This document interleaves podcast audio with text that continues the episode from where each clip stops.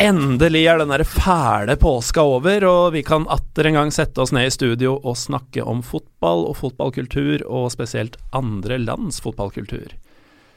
Med meg i dag så har jeg Eurosport-kommentator Petter Bø Tosterud. Velkommen til deg. Takk skal du ha.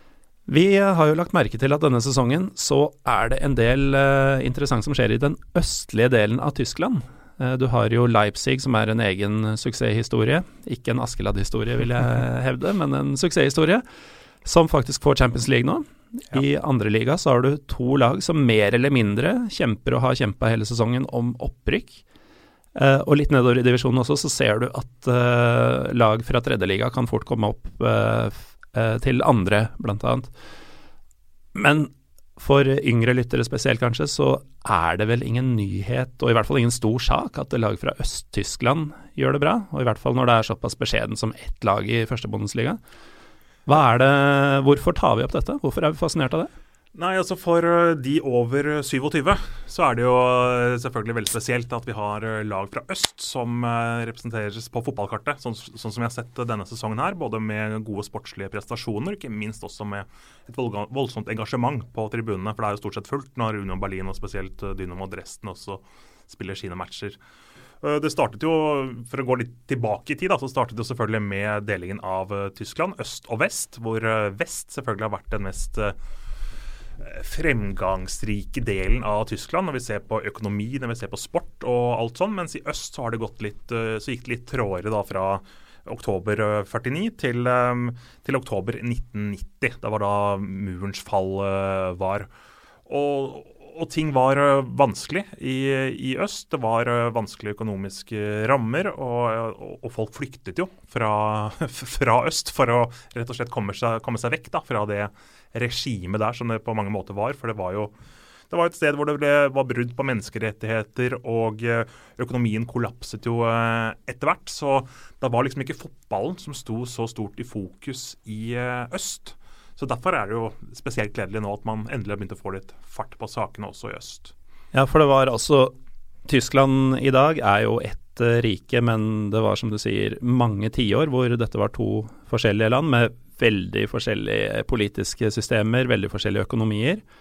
Eh, og så var det da denne sammenslåingen på begynnelsen av 90-tallet. Og du hadde jo eh, Dynamo Dresden f.eks., som vi nevnte så smått nå, som nå denne sesongen inntil nylig har vært helt med i eh, kampen om i hvert fall kvalik, og til og med opprykk til Bundesliga for første gang siden tidlig 90-tall, midten av 90-tallet. Mm. Uh, de var jo en mastodont i Øst-Tyskland. Det samme kan du kanskje si om uh, Hansa Rostock f.eks. Mm.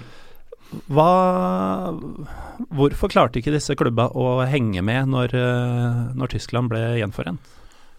Nei, Det er jo fordi de har ligget på etterskudd økonomisk. Eh, det har jo ikke vært noe særlig sterke firmaer som har holdt til i eh, øst. Hvis du ser på de 30 største eh, børsregistrerte selskapene i Tyskland, så holder de til i vest. Det er der den økonomiske veksten er. Er du oppvokst i øst, så har du 25% sjans, større sjanse enn, enn hvis du er født i vest for at du skal bli fattig. Så det er veldig mange odds som taler imot imot eh, klubbene i, eh, i øst. Så det er, det er, egentlig de um, forutsetningene som har gjort det veldig tungt for, for de fleste klubbene der. Men uh, nå er det jo over 25 år, og det må jo ha endra seg akkurat den situasjonen, eller? Ja, det har jo endret seg, men det var jo også slik at med en gang, med en gang murens fall holdt på å si var offentlig, altså når man la merke til at den muren var borte, så var det jo også veldig mange klubber, agenter, speidere og alt sånt som ribba klubbene i øst.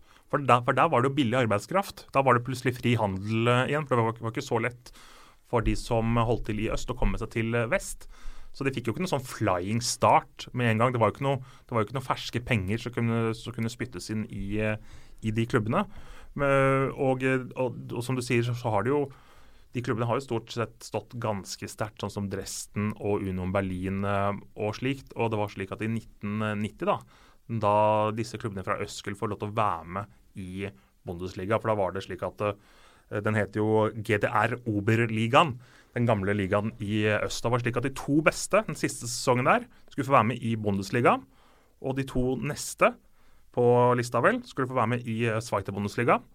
Og så var det da et sluttspill I løpet av 18 dager skulle de spille seks kamper, hvem som skulle plasseres da i uh, Sveiter Bundesliga i tillegg. Og Der var jo også Union Berlin. Og så var det en del klubber da som ikke klarte å komme med i de to øverste divisjonene. Og det har jo også på en måte nesten sementert deres uh, fremtid, da. Fordi da, det handlet om å komme med på det kjøret der. For det er ikke noe tvil om at det er økonomisk mye mer gunstig å holde til i toppfotballen i, i Tyskland sammenlignet med lavere divisjoner. Og har, det, det, er jo en del klubber som var gode på 70-80-tallet, som ikke er med, sånn som Carl Zeiss Jena, som var et godt lag på 70-80-tallet.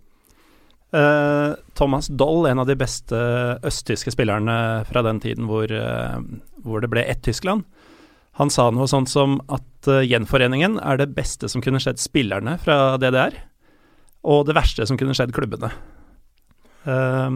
han og Mathias Sammer og Andreas Thom var vel de tre fremste østtyske spillerne på den tida, og de forsvant jo rett over til Vesten så fort de fikk muligheten omtrent. Ja, det var jo der penga lå. og Det var jo der også de hadde de størst muligheter til å få god sportslig utvikling. Jeg eh, har jo snakket om at fotballen sto jo for så vidt sterkt eh, også i øst, men det var faktisk en del individuelle idretter som var viktigere i, eh, i øst. De var gode i kraftsporter, de var gode med boksing, de var gode i friidrett og gode på laboratoriet. De var jo verdensledende når det gjaldt uh, anabole steroider og doping i, uh, i, øst, så de har jo ikke akkurat hatt, alltid hatt uh, et helt heldig fokus, for å si det sånn. Men de har tydd til de midler som de har ment har vært riktig for å nå toppen på kortest mulig tid. Mye hårete kvinner, men ikke så mange klubber med hårete mål, kanskje? Ja, det, det, det har man savnet. og Sånn sett så kan jeg jo si at RB Leipzig er en berikelse, i noens øyne i hvert fall. Ja, altså sportslig sett så er det jo definitivt det. Men uh, det er jo igjen dette med de økonomiske forskjellene i øst og vest, da. Jeg tror selv måten RB Leipzig drives på, uh, dersom det hadde vært uh, noen lokale kjøpmenn, altså lokale mange millionære milliardærer, fra Saksen eller fra Leipzig spesielt, som hadde gjort mer eller mindre det samme, ville de eh, stilt seg mer bak det, eller ville det vært like kontroversielt? Nei, altså Alle, enten det er fra øst eller vest, er jo stort sett imot uh, RB Leipzig. Uh, så det er jo et sånn ekstremtilfelle. For det er jo Altså, det er jo ja, Jeg vet ikke hvor man skal starte. Vi skal kanskje gå for, for mye inn i akkurat det tilfellet heller. Men det er på en måte ikke noe som hele øst omfavner som deres lag, da. Det er jo litt røftlig regna rundt 15 millioner mennesker som eh, holder til i det som da ble betegnet som eh, gamle Øst-Tyskland. Og vi ser jo en enorm omfavnelse av de tre lagene som er de største. da. Uh, RB Leipzig har vel rundt 42 000 i snitt, om jeg ikke tar helt feil. Dynamo Dresden, når de lå på nivå 3 for noen år siden, hadde i snitt på 27 000. Uh, og de har det fremdeles, men ikke plass til flere, så de kunne sikkert hatt 40 000. Union Berlin har vel rundt 22 000, 21 000 i snitt. Og, eh, omtrent det det er plass til, det òg. Ja, og det er, det er, også omtrent det det er uh, plass til. Så, så kan jo si at interessen og den identiteten som i hvert fall Dresden-fansen og Union Berlin-fansen føler til sin klubb, den er jo helt ekstremt sterk. Så skal ikke se bort ifra at um, det er klubber som um, om de får orden på økonomi og alt sånt, for det har vært litt uh, vanskelig, spesielt for Dresden i mange år, også for Union Berlin for den saks uh, skyld, som uh, kan bli kanskje litt større maktfaktorer i tysk fotball på sikt når de har den støtten. Til eventuelt nye lyttere som lurer på hva i all verden er det vi driver og refererer til her, så kan jeg nevne at i Pyro og Pivo episode én så nå skal det kose deg, Petter. så snakket vi om tyske kultklubber, og da var det bl.a. mye informasjon om Dynamo Dresden og Union Berlin, i tillegg til St. Pauli. I episode sju, som heter Møkkalag, der uh, tar vi ordentlig tak i hvorfor eh, RB Leipzig er noe dritt. En av de andre store klubbene fra øst, som har kanskje den som har slått best fra seg inn til Leipzig nå, det var jo Hansa Rostock, som uh, seg til to sjetteplasser i, i den nye Bundesligaen tidligere så ut til å ha funnet en måte å operere på, selv med de økonomiske forskjellene tatt i betraktning. God scouting, henta masse strålende spillere. Men tjente jo ikke nok penger til å beholde på dem, og miste dem til pengesterke klubber i vest, og rykka sist ned, foreløpig sist, i 2008. Ligger nå midt på tabellen i tredjeliga. Og, og det kan jo også uh, skyldes litt de spesielle um, reglene i Tyskland, denne 50 pluss 1-regelen, um, som også gjør det litt vanskelig da, for, uh, for klubber i øst, kan en si, som kanskje kan uh, ha litt hjelp, kan få, ha litt godt av å få litt frisk kapital inn. Men de reglene setter jo på en måte en liten stopper for det. da, fordi at Med den 50 pluss 1-regelen så borger det egentlig mer for en langsom vekst. Det er veldig vanskelig å ta fort innpå noen når du ikke får eh, en majoritetseierrett, som eh, de f.eks. ønsker i Hannover, da, som eh, holder til vest. Men uh, hvis vi tar litt om akkurat den 50 pluss 1-greia, uh, så har vi igjen RB Leipzig. 42 000 uh, tilskuere i snitt, og det er jo en suksesshistorie på sitt vis. Men de har jo faktisk plass til mange flere. Ja, og det er jo en, det er, er en stor by. Det er jo en by på Leipzig er vel en by på størrelse med Oslo omtrent. Mm. 580 eh, 000 eller hva det er for noe. Og du, du ser jo det på interessen, uh, på at de klarer å få rundt 42 000 på kamp. Uh, altså nesten hver tiende innbygger er på kamp. Du får ikke det i Oslo her. Da får du jo nesten hver 150 innbygger, altså om det er 3000-4000 på, på Ullevål. Så det sier jo litt om interessen, og at de har fått opp et lag der nå og det de kan bygge videre på. En klubb som har eksistert i sju år, er det vel. Og er jo det første laget i øst i Bundesliga siden Energi Cottbus uh, rykket ned. Så det er jo ting på gang, og det er jo en, en, voldsom positivitet rundt at fotballen begynner å få en voldsom status igjen i øst. Og det som også er litt uh, spesielt, er jo dette her med at de har jo savnet, savnet noen helter i eh, Øst-Tyskland. Du var inne på det. Mathias Sammer eh, var en stor helt en gang i tiden. Ulf Kirsten var en annen. Og eh, nå i VM sist så var det jo én spiller i Tysklands tropp på 23 mann som var født i gamle Øst-Tyskland, og det var da Tony Cross. Og De sier også litt om skillet eh, i landet, og hvilke forskjeller det var i, i utviklingsmuligheter. da, Evnen til å bli god. Eh, var ikke så lett å utvikle i Øst-Tyskland med de levevilkårene mange hadde der. I det, I det samme VM-et i forkant av det, så var det jo tre spillere som var aktuelle, eller regna som aktuelle til troppen. Det var I tillegg til Kroos var det Marcel Schmelzer og René Adler, mm. som da ikke kom med. Uh, selv om de hadde vært med, så ville du ha hatt tre av 23. Uh, eh, det er jo en stor, stor forskjell her. Og jeg kom over en uh, statistikk som viste at fra gjenforeningen i 1990 og fram til VM 2014 så hadde det gått sju tyske landskamper i det gamle Øst-Tyskland. Det er like mange som i Kaiserslautern aleine i samme periode. Mm. Og Det ble offentliggjort en liste i dag over eh, de eh, byene som ønsker å være med i Tysklands EM-søknad 2024. Listet opp 20 byer, én fra øst. Og Det sier også litt om forskjellene og økonomien, og eh, at det fremdeles henger ved. da. Og det er Leipzig? Det er Leipzig. Uh, en ting vi kan ta med angående interessen der, er jo at uh, til tross for at de nå har fått ikke bare et bondesligalag, men et veldig godt bondesligalag som også skal ut i Europa, så uh, har de jo fortsatt store folkemengder på kampene langt ned i divisjonene til tradisjonsklubbene i byen, da, Lokomotiv og Chemie.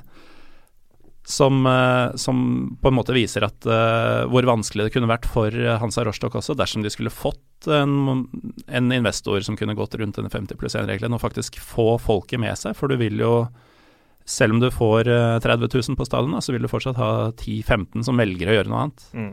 Uh, det kombinert med lavere inntekter og da antagelig lavere billettpriser, mm. og ikke minst dårligere grunnlag for sponsoravtaler som er lukrative nok. Og, så får vi også håpe da at, uh, at den veksten fortsetter da, i øst. Det har jo vært en positiv utvikling også utenfor, uh, utenfor banen. For det har jo vært uh, en del av Tyskland som har hatt mer vold. Har hatt mer sosiale problemer utenfor banen. Også slitt en del med rasisme, som for så vidt har vært et problem over hele Tyskland. Men vi vil jo si at utviklingen er noe mer positiv enn den var for 10-15 år siden. Mm. Det er vel uh, ikke helt tilfeldig at uh, Pegida på en måte startet opp, eller i hvert fall hadde sitt hovedsete, kan du si, ja. i nettopp Dresden. En veldig frustrert by, må det vel være lov å si? Ja, og, og, og Dresden er jo et uh, spesielt tilfelle med sine Stasi-koblinger og, og, alt det der. Det prater vel også Lars Johnsen noe om i en av de tidligere mm. podkastene dine. Det er korrekt. Um, Vi uh, må jo nesten snakke litt om uh, dagens situasjon, som uh, jo er veldig oppløftende på mange måter. RB Leipzig har vi jo snakket mye om.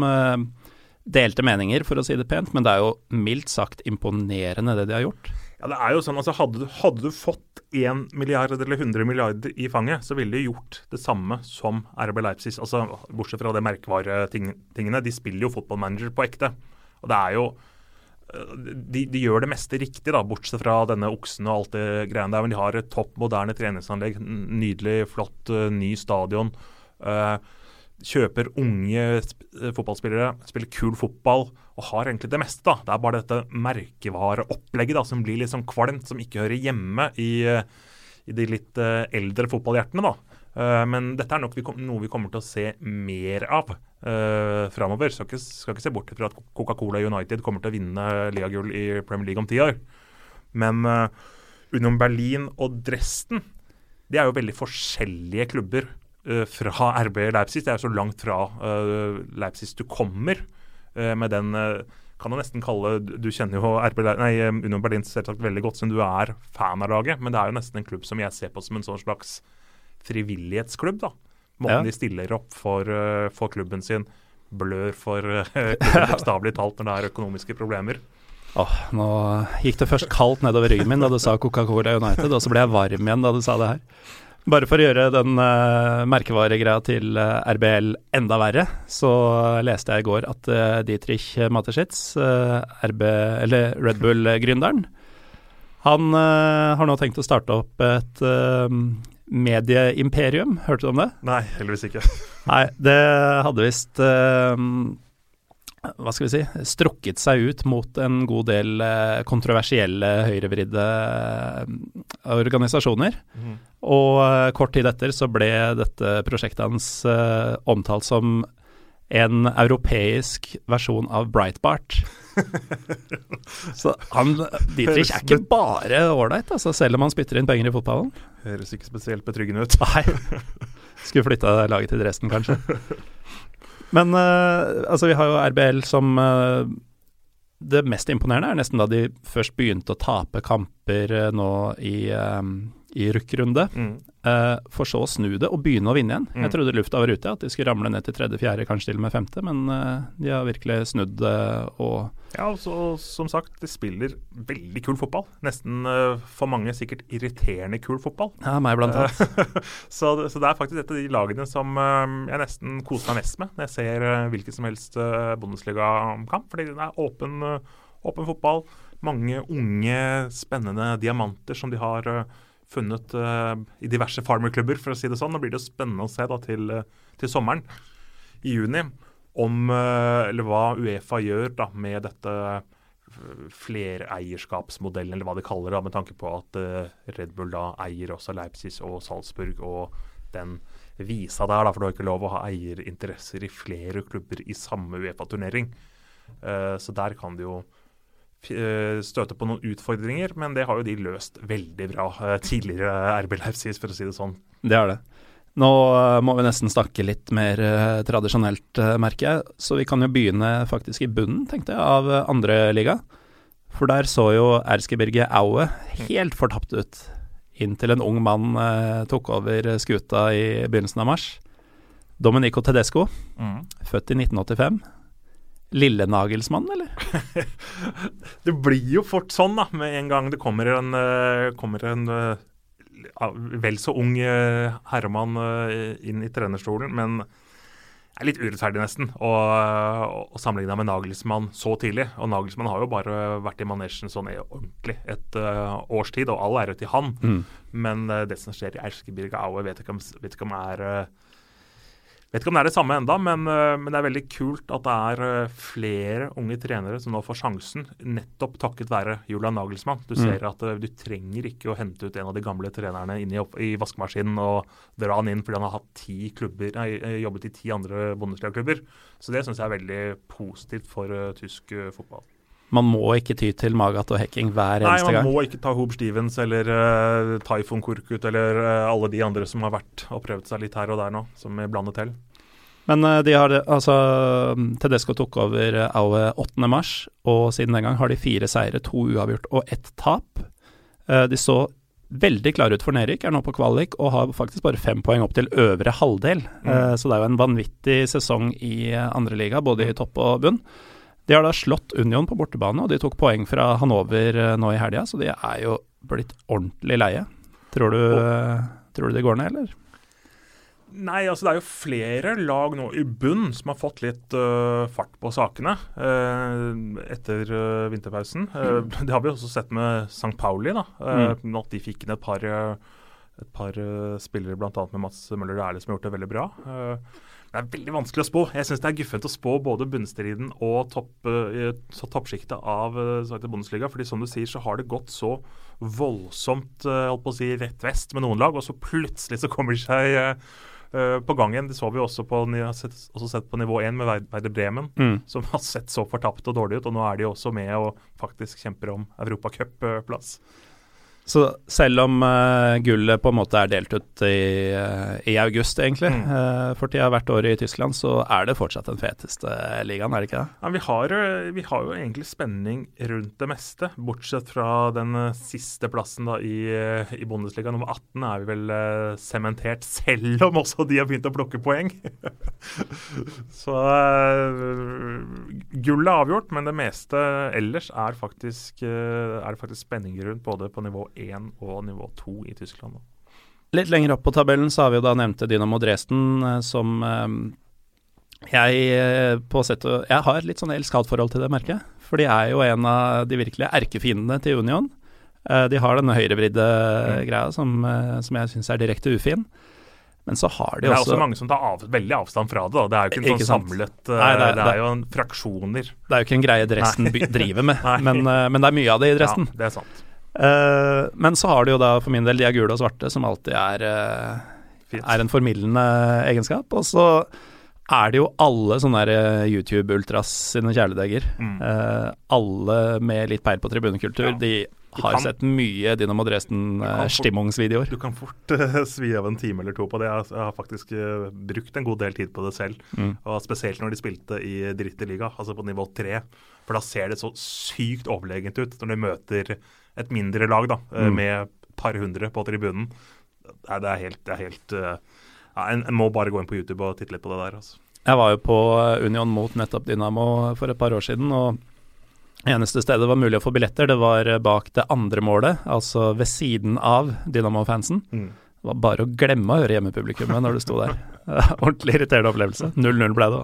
Det var sesongen hvor, um, hvor Dynamo rykka ned, til og med, så jeg forventa jo storseier og kalasstemning, mm. men så ble det litt regn og litt mye Dynamo-sang på øret. og ja, men det, det, er fort en klubb som kan, som kan, komme og etablere seg i Bundesliga på sikt. For det er bare få poeng unna mm. topp fire, som til gjengjeld er fryktelig jevne. Mm. De har liksom ikke vært nære i det siste, men de har ikke vært helt avskrevet før kanskje nå. Nei, nå, nå er det for langt, uh, for langt opp tror jeg. Spesielt også ettersom at Stuttgart syns jeg ser sterke ut. Uh, men uh, Det er jo voldsomt imponerende. De er jo nyopprykka, ja, tross alt. Det er liksom litt, litt lett å glemme det. Mm. Det, det, glemmer vi også med RB Leipzig. De er også nyopprykka. Det er altså nyopprykket lag som dominerer på, på mange måter da, i, i hver, sin, hver sin divisjon. Og Dynamo Dresden har jo i mange år slitt med å komme seg over den økonomiske kneika. Eh, så, hvis de får litt mer stabilitet nå, divisjonsstabilitet, økonomisk stabilitet og stabilitet på spillersiden, for de har jo mistet litt eh, folk også, så har jeg troen på at det er et lag som eh, kan gi selskap da, til Leipzig i Bundesliga. De mista jo Kirin Moll bl.a. til Braunschweig. Det ser ut til å bite i hvert fall hos Union-fans i ja. ræva, for han har jo virkelig dominert for uh, sistnevnte. Mm. Uh, så har du jo Union, da. Mm. Uh, Runar Norvik, uh, tidligere gjest her, Balkan-eksperten vår, han sa jo før sesongen at det skulle bli opprykkskamp. Ja, jeg, Sebastian Polter, så jeg fnøys og lo. men her er vi, da. Få runder igjen, og selv om det ble tap mot Stuttgart nå, Fortsatt bare tre poeng til direkte opprykk. Ja, men det kan fort ha vært nådestøtet, det, altså. Når det gjelder uh, direkte opprykk. Det, det, det, tror jeg fort det kan ha blitt. Men uh, playoff, da? Der uh, kan man jo møte Hamburg. det er de som pleier å spille playoff, men det pleier som regel å gå uh, Bundesliga-lagets vei, da, altså nivå 1-laget. Tenk om det skulle bli Union som aldri har vært oppe, mm. som omsider sender Hamburg som aldri har vært nede. Ja, og, og, Union Berlin også da med Jens Keller. da. Ja. Uh, det er også veldig veldig spesielt. For han ledet jo Schalke, og ble på en måte aldri helt akseptert av, uh, av Schalke-fansen. Så det var liksom en veldig sånn spesiell, spesiell greie. Altså sånn, etter at han har vært i jobben etter at han hadde vært i jobben et halvår, så, så hadde vel Schalke-fansen allerede fått nok. De respekterte han ikke. Og nå kommer han eh, tilbake da, med Union Berlin, og det er jo en eventyrhistorie om han skulle klare det hele store. Han virker så komfortabel og populær der også. Det er liksom den ja, rake motsetninga til situasjonen han hadde Uh, det er jo første sesongen hans også mm. i Union, så det er liksom uh, veldig mye likheter. Og i hvor lenge han har vært og sånn. Og så er det uh, stikk motsatt hvordan det har fungert. Mm. Så må vi jo ikke glemme at det var jo første ordentlige jobben Jens Keller hadde, var jo Schalke. Mm. så han har vel fått et rykte på seg. Det er også fordi at Schalke er en gigantklubb. og, og for Schalke-fansen så var det ikke riktig at Jens Keller plutselig skulle sitte der. De er vant til Magat, de er vant til altså De er vant til store, tunge navn, da. Og Da ble det helt feil for dem. Når i tillegg ikke han fikk resultater. Nå går det jo enda dårligere med Schalke. Schalke er jo ikke en uh, ser ikke ut som en storklubb lenger, nå ser det bare ut som en stor klubb. og det er jo en vesentlig forskjell på det. Men, men når, du nevner Union Berlin, så er det også greit kanskje for lytterne å vite at de tilhører jo øst. Mens Herta som i bunn og grunn hører til samme by, tilhører vest. Og Hertha Berlin var jo en del av gamle Bundesliga, som mm. Ble startet i 1963.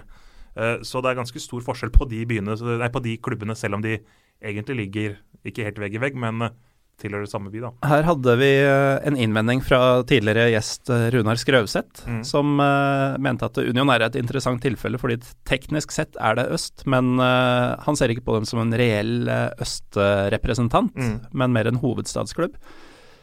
For min del så vil jeg da heller sagt at nei, da er det Herta som ikke er en ordentlig vestklubb, mm. for de lå jo teknisk sett i, uh, innafor det østtyske territoriet, bare en liten sånn enklave. Mm. Altså det er Eh, hva skal vi si, Øst-Tysklands Nordstrand, da, på sett og vis, det Vest-Berlin var. ja, ja, Uh, så jo da, Runar. Union er Øst-Tyskland. Men jo, det er også et veldig spesielt naboforhold, fordi kanskje mer enn noe annet når det gjelder separasjon og gjenforeninga, så har du da to klubber fra samme by som kom fra forskjellige land. Mm. Og som eh, De kjente jo ikke hverandre i det hele tatt første mm. gang de møttes. Det, de har måttet finne på et rivaleri. Ja, så Det var en sånn likegyldighet, egentlig, ja. mellom, de, mellom de uh, to. Det er vel sånn som også når Stabæk kom opp i Eliteserien i norsk fotball. De mm. måtte også finne noen å hate. Ja. Uh, så det er uh... Kom og hat oss, sa de.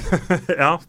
Så, så det, er en, det, er en, litt spesiell story, det at man har en, en, en, hovedstad med to lag som egentlig ikke har noe forhold til hverandre, sånn mm. fra gammelt av. Jeg var jo på den også, jeg, i andre liga for noen år siden, og da Altså, historieløst derby, kan du si, men de har gjort det svært, altså. Mm. Det var uh, mandag kveld, uh, litt kjølig, alkoholredusert uh, øl mm. på tribunen pga. risikoen. 74 000 og utsolgt på Olympiastadion. Ja, og, og de derbyene der vil jo etter hvert bli noe helt spesielt mm. når Herta får seg ny arena. For det, er mm. det, det, har, det ligger det jo planer eh, om, fordi at den Olympiastadion nå er jo verdens minst intime fotballarena. Ja, men verdens kuleste uintime fotballarena. ja, ja, kanskje. Jeg tenker eh, bare på lange, flate baller når jeg ser den stadion. ja, nå tror jeg du ødela Olympiastadion for meg, faktisk. Men det er jo et derby som uh, verden ikke har sett nok til ennå. De har bare møttes en håndfull ganger. Og jeg mener jo at uh, uansett om du har noe forhold til Union eller ikke, så er det derbyet Altså muligheten for å få det derbyet som en fast greie, mm. grunn alene til å ønske Union opp. Mm. Eller Herta ned, for den saks skyld. Men nå har Rune Jarstein bestemt seg for at de skal ingen andre steder enn oppover. Ja, øh, vi må jo bare nevne det selv om det ikke er tema i dag. Rune Jarstein, for en mann. Uh, det, han er jo ene og alene grunnen til at de ligger fremdeles så høyt oppe på tabellen. og sannsynligvis vil få Europa League. De hadde jo troen på at det skulle bli Champions League, men nok en gang så da blir det litt av. Men de har prestert over evne, og det er Rune Jarstein som er grunnen til det. Ja, nesten ene og alene. Ja. Det er jo, men uh, man sier jo om folk som er morsomme sånn her Hvor tar du det fra? Mm. I hans tilfelle så må man jo lure, for han har jo aldri hatt dette nivået inne som han har drevet med de siste to åra ca. Nei, det er, helt, det, er helt, det er, helt, vanvittig. Folk snakker om at Sukka er Norges største idrettsstjerne. Jeg mener Rune Jarstein. Ja, nå Twitteren din er Petter BT, er det ikke ja. det? Ja. Dere får uh, diskutere videre der, uh, lyttere. når vi først er inne på vi har snakka litt om andre Bundesliga, vi har snakka litt om nordmenn. Mm. Jeg var jo på Niedersachsen-derby sammen ja. med nevnte Runar Skrauseth i uh, påsken. Mm. Eh, noe av grunnen til at vi har hatt ferie. Håper jeg har tillit for det.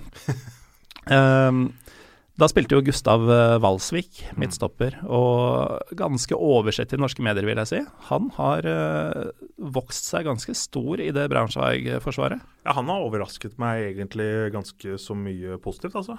Jeg var litt sånn småspent når han uh, ble klar for uh, Braunschweig. Og han er vel faktisk kanskje den nordmannen i Sveiter Bundesliga som har gjort det best den siste tiden. Ja. Har jo vært litt begrensa med spilletid på en del av de andre, men sånn som Even Hovland har vært veldig svak, etter min uh, mening. Mm. Iver Fossum litt inn og ut av laget. Så uh, Ja, han fikk først uh, noen minutter nå for første gang under Breitenreiter mm. som innhopper. Og uh, Valsvik så absolutt kjempemorsomt å se at han har klart å kapre en fast plass der på så kort tid. Og så fikk han også oppleve nå en fantastisk fotballmatch. Å oh, ja. Hvor kult tror du det var? Nei, jeg tror det har vært uh, en av dine topp tre kuleste opplevelser. Ah, kanskje ikke topp tre, men Det er litt nå, da. Nei, men det var, det var utrolig fett. Og... De møtes jo ikke så ofte. Nei. Uh, og det er det som gjør det litt ekstra spesielt. Det er jo ikke noe sånn der, ah, da, Hvis du ikke får billett nå, så stikker jeg neste gang. Altså, Du vet ikke når du får muligheten til å stikke på dette Nidersaksen Derby. Nei, og det merka man veldig godt på folket der. At mm. dette var noe de ikke opplever hver dag, mm. eller hvert år for den saks skyld. Og uh, det ble jo da 1-0 til Hanover, hjemmelaget. Vi uh, hadde billetter blant disses ultras. så det var god trøkk, selv om det var null alkoholsalg på stadion denne dagen. Um, Noen smugler inn det, eller? men det, det, det, også er jo litt sånn søtt, mm. med tanke på hvor hyperliberalt Tyskland er når det gjelder uh, offentlig drikking. Det var så festival. altså Det var som å stå i kø for å komme inn på Roskilde-festivalen utafor der. Det plaska ned. Og det bare Du tråkka på flasker overalt. Det, det, er jo en pub rett over gata mm. som folk drakk seg fulle på. Uh, det var sånne boder utafor som folk kjøpte øl i. Og det var fri flyt da, helt til du kom til stadionporten. Uh, og det var helt greit. Men uh, inne så var det tydeligvis uh, farlig med et beger eller to til. Mm. men det, det, er jo litt spesielt med disse tyske derbyene, fordi med mindre man er ordentlig interessert, så vet man jo egentlig ikke om Man vet vel kanskje om en brøkdel av dem. Sånn at Hanover 96 mot Eintracht Braunschweig, at det skal være en massiv, massiv kamp i europeisk målestokk. Ja, det er, det er en helt drøy kamp. Jeg husker de møttes jo for første gang for noen år siden. Eh, da var det første gang på 23, nei 32 år. Og da, da, var det jo en del eh, bråk i forkant av kampen, og mm. en del bråk på, ja, i overkant av det usmakelige, spør du meg. da.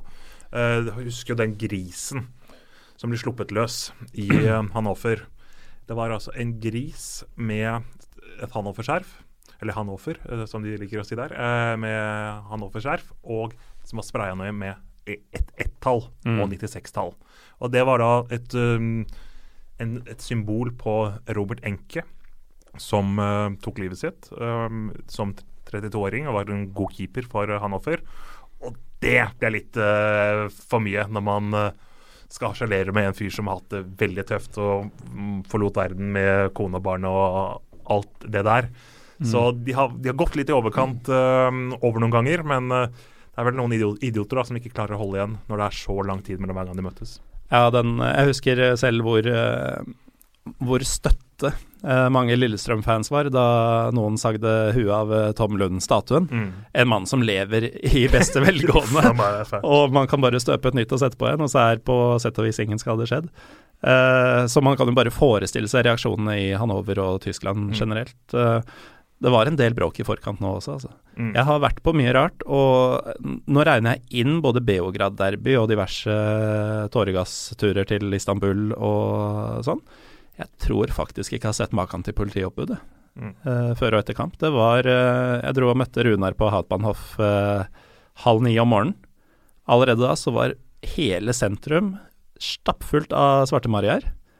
Og de patruljerte, og det var helikoptre, og det var eh, sånn vannkanonsbiler, og de var overalt. Og det trengtes, da, for det, det var jo 200 arrestasjoner av bare av Braunschweig-fans Ja. før kampen. Men, men du følte deg trygg, med andre ord? da? Ja, jeg følte meg godt ivaretatt. Og jeg visste jo at ingen kom til å bli fulle inne på stadion, så da var jeg ekstra trygg. Så da kan du jo si da til de som uh, hører på, at det er trygt å, å stikke på disse kampene her. Det er det, uh, absolutt. Og um, Tyskland er jo det er, det er jo litt sånn Det er et rart land egentlig å se fotball i, fordi Tyskland er såpass systematisk og strukturert og ordentlig og rolig på så mange måter. Og så er supporterne klin hakkende gale, men på den best tenkelige måten. Eh, I hvert fall så lenge man eh, passes på eh, i området rundt.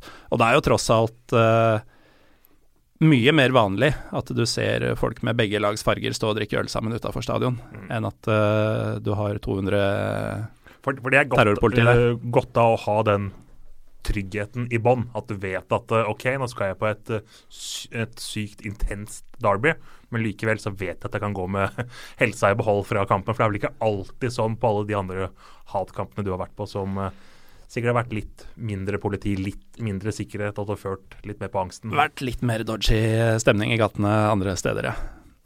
Men uh, dodgy stemning Vi uh, må jo litt tilbake til Øst-Tyskland, og uh, det er jo denne Runar Skrøvseth igjen, da, som mener at vi må litt innom tredjeliga også.